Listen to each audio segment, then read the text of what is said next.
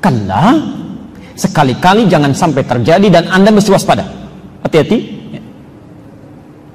Innal insana layatha. Ya. Ada kecenderungan manusia itu bisa bersifat sombong, melampaui batas. Ya, melampaui batas. Pelan-pelan. Nanti kita lihat ya, apa kaitan ayat ini dengan contoh-contoh kita. Melampaui batas. Jadi kata Quran, jangan sampai terjadi ada di antara kita bisa melampaui batas. Dan mesti waspada jangan sampai melampaui batas, ya. Jangan sampai melampaui melampaui batas, ya. Nah, sombong, maaf, sombong adalah salah satu sifat yang muncul ketika seseorang melampaui batas ya, dalam sifatnya. Ya. Melampaui batas dalam sikapnya. Ya. Bagaimana ini bisa terjadi? Seseorang melampaui batas kemudian jadi sombong, ya, pelan-pelan. Ayat tujuhnya. Jika sudah merasa dalam diri punya kelebihan, sudah merasa lebih. Istighna namanya. Al-istighna.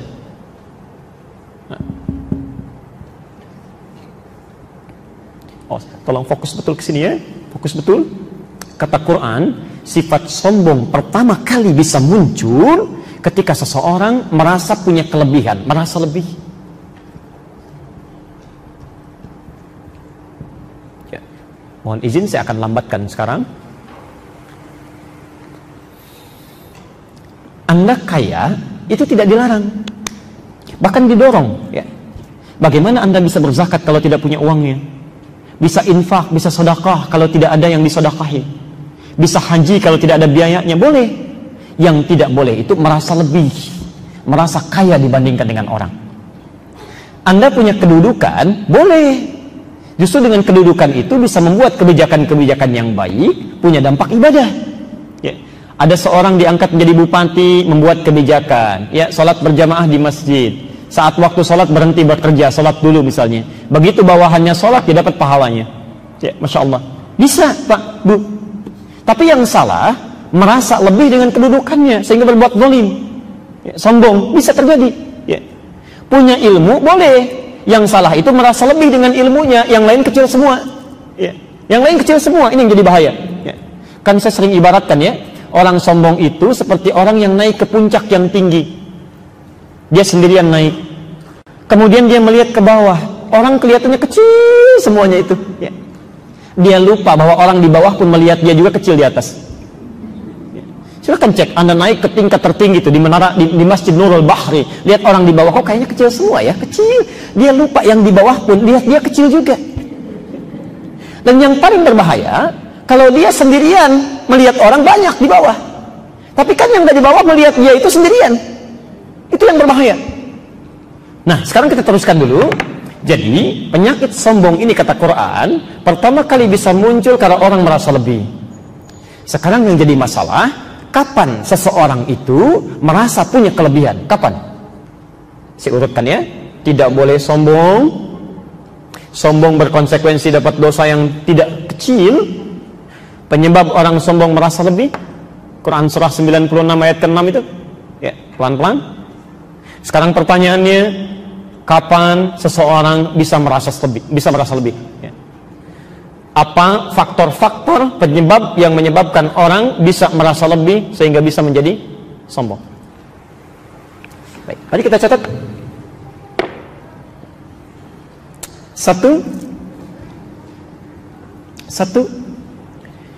Ziyadatul mali. Ya, penyebab pertama bertambahnya harta benda. Oh, hati-hati ya. Quran. Jadi pertama ya, isyarat di Quran ditunjukkan kepada kita hal yang bisa menyebabkan seseorang punya perasaan lebih dibandingkan dengan orang lain. Faktor pertama jika dia maaf ya mengalami peningkatan harta benda. Jadi kalau hartanya meningkat, awas hati-hati ya Seseorang yang mengalami peningkatan harta saat yang bersamaan dia akan lebih rentan diserang penyakit sombong. Ya, punya perasaan lebih. Perasaan lebih. Ya. Dulu saat belum punya mobil, naik angkot, kan tawadu sifatnya, rendah hati. Begitu turun, membungkuk, begini kan. Mau keluar sodakoh dulu, ini pak, kembaliannya ambil aja. Kan begitu ya? Masya Allah, setelah punya mobil, pribadi, punya BMW sendiri, begitu naik langsung angkatnya ke atas kan. Tangannya langsung ke saku, jalannya begini kan. Baik, tatapannya sudah beda itu. Ini. Lain, lain. Ya. Saya kan sering buat rumus persamaan fisikanya itu kan. F1 sama dengan F2, gaya gerak sama dengan gaya dorong gitu kan. Apa yang didapatkan itu yang keluar. Orang makan tempe dengan orang makan ayam beda gayanya. Lain kan? Baik, tapi Anda juga mesti ingat dalam hukum fisika kan gaya F berbanding lurus dengan hukum Pascal P tekanan kan? Gaya berbanding lurus dengan tekanan. Semakin banyak gaya, semakin tertekan hidupnya. Tuh. Pasti itu. Coba cek aja. Lain, ya. Ibu tas biasa bawanya begini, tas agak mahal sudah begini. Sama bapak juga begitu tuh. Ya, macam-macam ini. Nah, sekarang karena ini penyakit, hati-hati ya. Hartanya bukan penyakit. Yang jadi masalah ketika harta mulai meningkat, ini rentan datang, setan datang membawa ini, membawa perasaan ini. Ya, kamu lain dari kemarin, mesti beda. Tampilan mesti lain. Hati-hati maka dari itu, ketika muncul orang mendapatkan peningkatan harta benda, Allah langsung memberikan petunjuk. Bagaimana caranya harta ini diarahkan pada yang bermanfaat dan terhindar dari penyakit ini. Maka kita lihat rumusnya di Quran surah ke-28 ayat 76 sampai ayat 80. Tadi Anda sudah catat di awal ya. Quran surah ke-28 Al-Qasas ya ayat 76 sampai ayat 80. Kalau di mushaf standar posisinya paling kiri sebelah bawah dan eh, halaman selanjutnya. Sudah?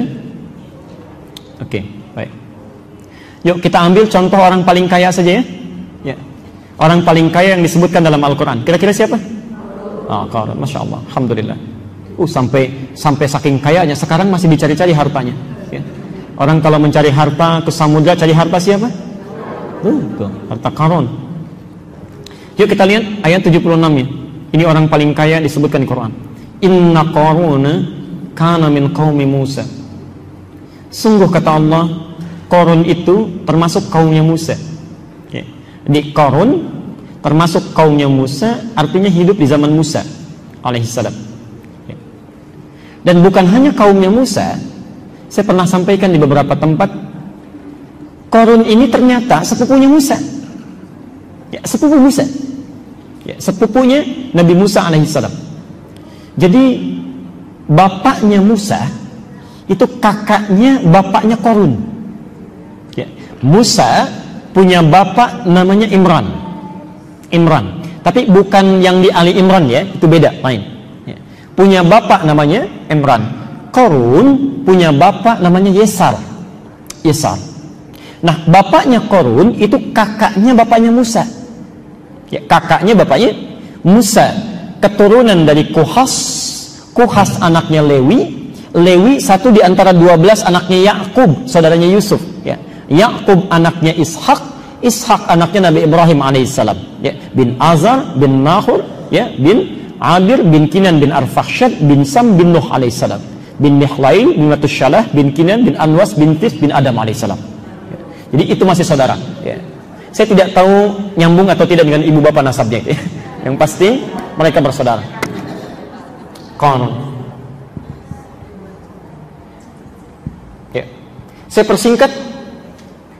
Allah berikan satu titipan pada konon. Dititipkan. Ya. Lihat kalimat Qurannya. Wa atainahu. Ya wa atainahu kami berikan kepada dia kami titipkan ya kalau bahasanya kami yang titipkan ya Allah yang titipkan yang punya siapa ingat yang punya harta itu bukan korun yang punya Allah tolong fokus pada runtutan rumus ini ya. Saya tuliskan satu pernyataan Qurannya yang punya hartanya Allah. Makanya bahasa Qurannya kami titipkan. Wa atainahu minal kunuzi. Dan kami berikan harta-harta yang cukup banyak. Hartanya banyak.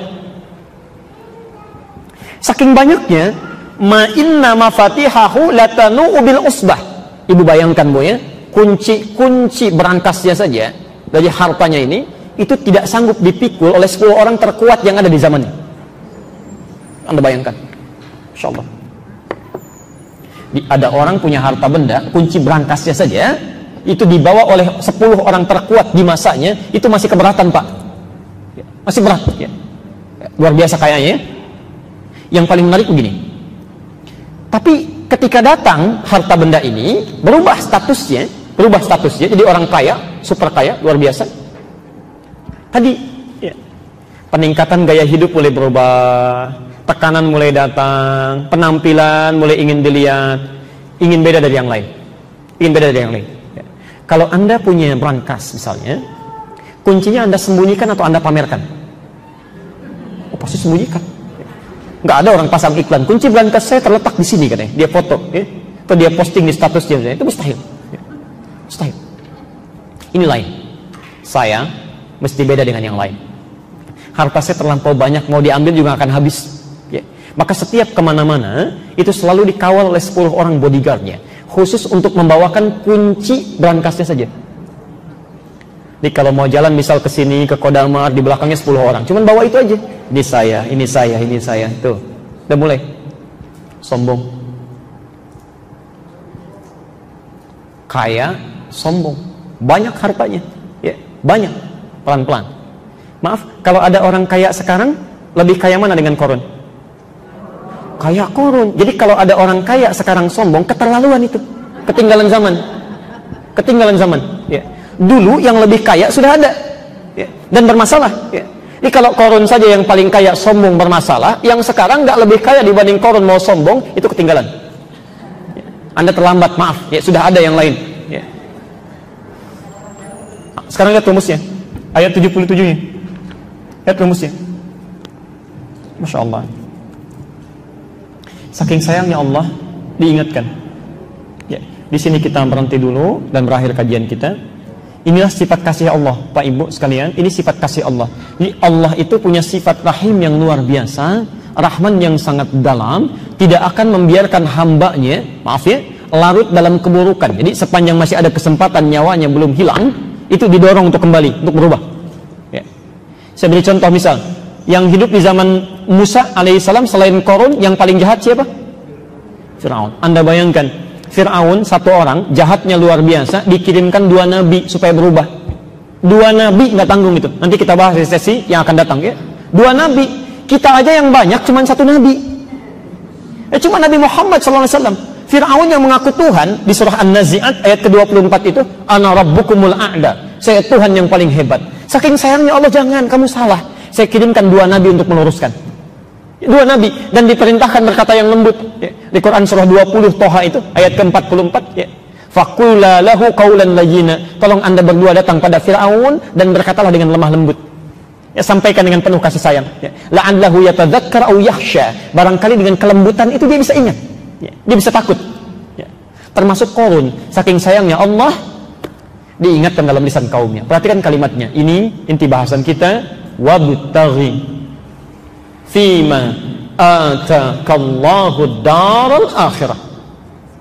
Wala tansa nasibaka minad dunya. Kalau anda insya Allah dengan izin Allah mengalami peningkatan harta benda misal maka rumus Qurannya ini langsung kata Allah ya. Wabtaghi fima atakallahu ad-dar al-akhirah ini poinnya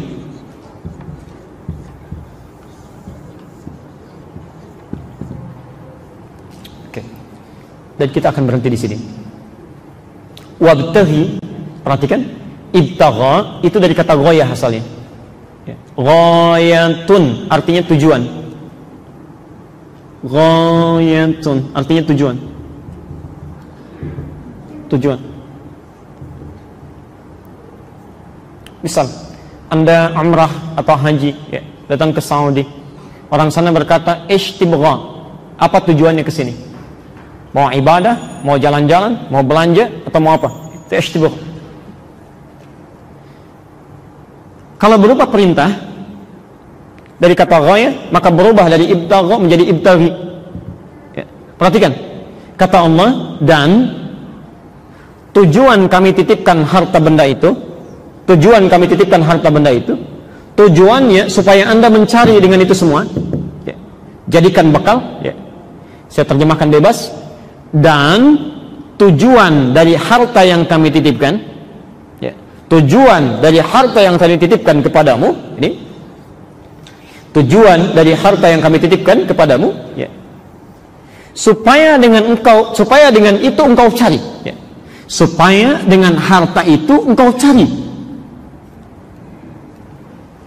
supaya dengan harta itu engkau cari tempat terbaikmu di akhirat di surga ya. tempat terbaikmu di akhirat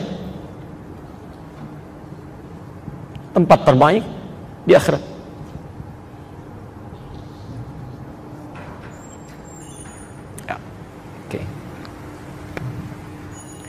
Jadi maksud Quran itu begini. Kata Allah, eh yang punya harta itu bukan kamu, saya. Cuman saya titipkan kepada kamu, saya pilih kamu, barangkali amalan kamu masih kurang. Dengan harta ini kamu bisa gunakan untuk menyusul amalan-amalan orang lain. Ya. Barangkali yang tidak punya harta benda itu, mereka sudah rajin tahajud tiap malam, rajin puasa saking nggak punyanya, sudah hafal Quran. Nah kamu ini malam aja kadang-kadang jarang bangun, tapi kalau ada bola bisa nonton, ya, ada tinju bisa lihat. Masya Allah, sholat nggak bisa dilakukan, puasa jarang-jarang, Quran jangankan hafal, baca juga masih belepotan.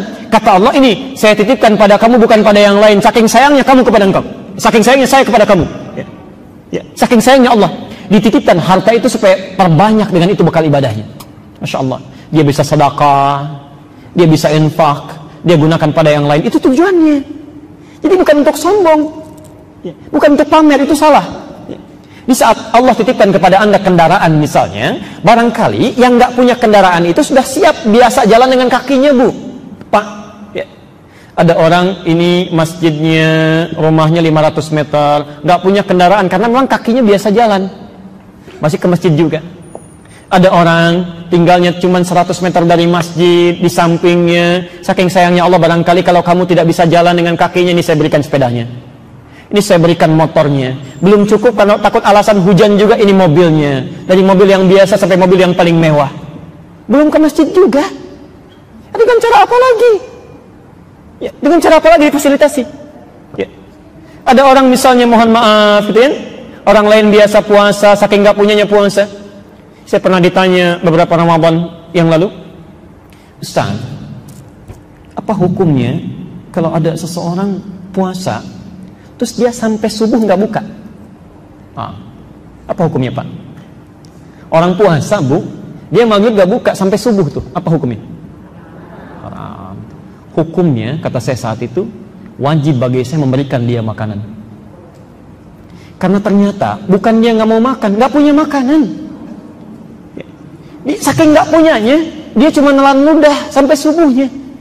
Tapi orang ini saking menjaga harta har, harkat martabatnya, tidak mau meminta-minta, ya dia bertanya dengan sangat elegannya apa hukumnya. Orang tidak berbuka sampai subuh.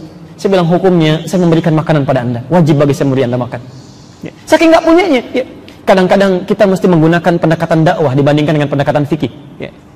Coba, bapak apa hukumnya seorang laki-laki tetangga masjid ini, tetangga masjid nggak mau ke masjid, apa hukumnya? Haram, dosa dan sebagainya. Hukumnya ajak dia ke masjid. Ajak. Ya. ya tidak harus selalu haram kita kedepankan. Ajak dulu ke masjid. Barangkali dititipkan jadi tetangga Anda karena cuma Anda yang bisa mengajaknya. Anda yang membawanya. Tidak Allah titipkan pada yang lain karena cuma kita yang bisa mendoakannya. Ya.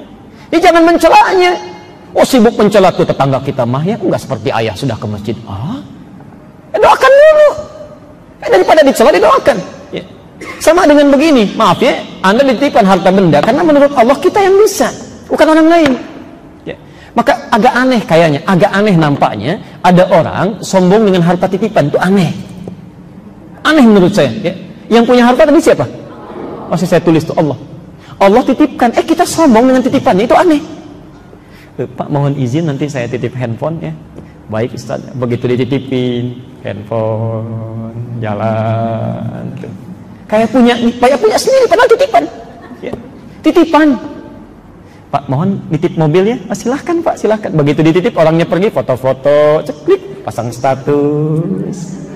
Ya, Alhamdulillah bikin orang penasaran. Mobil baru ya padahal bukan titipan. Sampaikan ya. itu keanehan pertama itu keanehan pertama. Jadi kalau ada orang kaya sombong hati-hati bu ya. Pak informasi saja. Itu orang aneh. Orang aneh ya. Orang aneh. Satu itu. Yang kedua maaf umumnya orang yang dititipi itu tidak mau banyak. Tidak mau banyak. Eh, anda punya rumah ada tetangga nitip mobil satu. Mau nggak? Titip mobil bersedia tidak dititipi satu saja. Baik sekarang sepuluh nitip. Tidak. Dua puluh. Kenapa tidak mau? Ah, capek tempatnya nggak ada. Ini yang paling aneh begini. Ada orang minta kepada Allah supaya dititipi banyak-banyak. Ya. Hari ini minta sepeda, Allah kasih, minta lagi. Ya Allah motor, dititipin lagi. Dikasih motor minta mobil. Dikasih mobil minta yang lain lagi. Padahal yang baru dititipkan itu belum digunakan. Pada yang Allah ribai. Ya, pada yang Allah ribai. Bukan hanya untuk bersepeda jalan-jalan, kuatkan olahraga, bukan hanya itu. Digunakan untuk yang baiknya, untuk ke masjidnya, untuk taklimnya macam-macamnya, antarkan anak ke sekolah yang baik, yang mengajarkan sholat, dia baca Qurannya itu. Ini bukan untuk pamer, salah. Dan biasanya orang kalau ketitipan gak mau banyak, karena titipan itu sifatnya yang ketiga pasti akan diambil, akan diambil, akan diambil. Ya. Hati-hati, orang terlalu banyak dititipi, maaf ketika diambil tidak siap dengan pengambilan itu, tidak siap. Ya. Bank juga ketitipan banyak dari nasabah. Ketika diambil semuanya oleh nasabah, bisa bisa kolaps itu bank, bank ya. ya. Bisa bingung. Ya. Sama ketika anda dapat titipan terlalu banyak, tidak digunakan dengan baik, tidak tahu rumusnya, maaf terlalu bangga dengan itu, besok saat ditanya oleh Allah diambil kembali, sulit kita menjawabnya. Ya, sulit. Saya kemarin dari Auckland ke New Zealand saja, itu masya Allah di bandaranya beda itu sekelilingnya. Ya, Bapak Ibu mungkin pernah ke sana juga ya ada banyak hal yang tidak berlaku di sini, di sana berlaku. Ada banyak hal yang berlaku di sini, di sana tidak berlaku. Sebaliknya, ya. dibatasi. Masya Allah. Makanan nggak boleh masuk, sepatu kotor nggak boleh masuk, harus bersih dulu. Kalau hukum dunia saja punya screeningnya khusus, apalagi hukum akhirat. Ini yang nggak boleh masuk, ini harus keluar. Ini yang bisa diterima, ini yang tidak. Maka dari sekian mobil yang ada itu, sekian motor yang dititipkan, berapa yang sudah bisa mendapatkan persetujuan Allah, berapa yang belum mendapatkan ridhonya Allah Subhanahu wa taala. Karena itu saya akhiri, maaf bila Anda diberikan titipan oleh Allah Subhanahu wa taala dengan penambahan seperti tadi, maka hakikatnya itu titipan Allah supaya digunakan untuk memperbanyak ibadah, ya. Maka jangan menjadi orang aneh, siapkan itu sebagai bekal-bekal kebaikan dan semoga Allah bisa memberikan kemuliaan kepada kita semuanya. Ya. Tidak cukup dengan amin ya, kita praktekkan dulu itu. Praktekkan, tempatkan, gunakan dan minimal seperti tukang parkir ya. Baik. Tahu tukang parkir? Masya Allah, dia tukang parkir itu begitu luar biasa. Rumus hidupnya senang itu ya. Ada mobil masuk satu sampai sepuluh juga tenang aja senyum. Begitu mobil keluar, silahkan, prit, jalan. Nggak pernah kecewa tuh ada BMW lewat pergi sedih misalnya nggak ada ya. jadi kalau hidup anda seperti itu enak tuh ya nyaman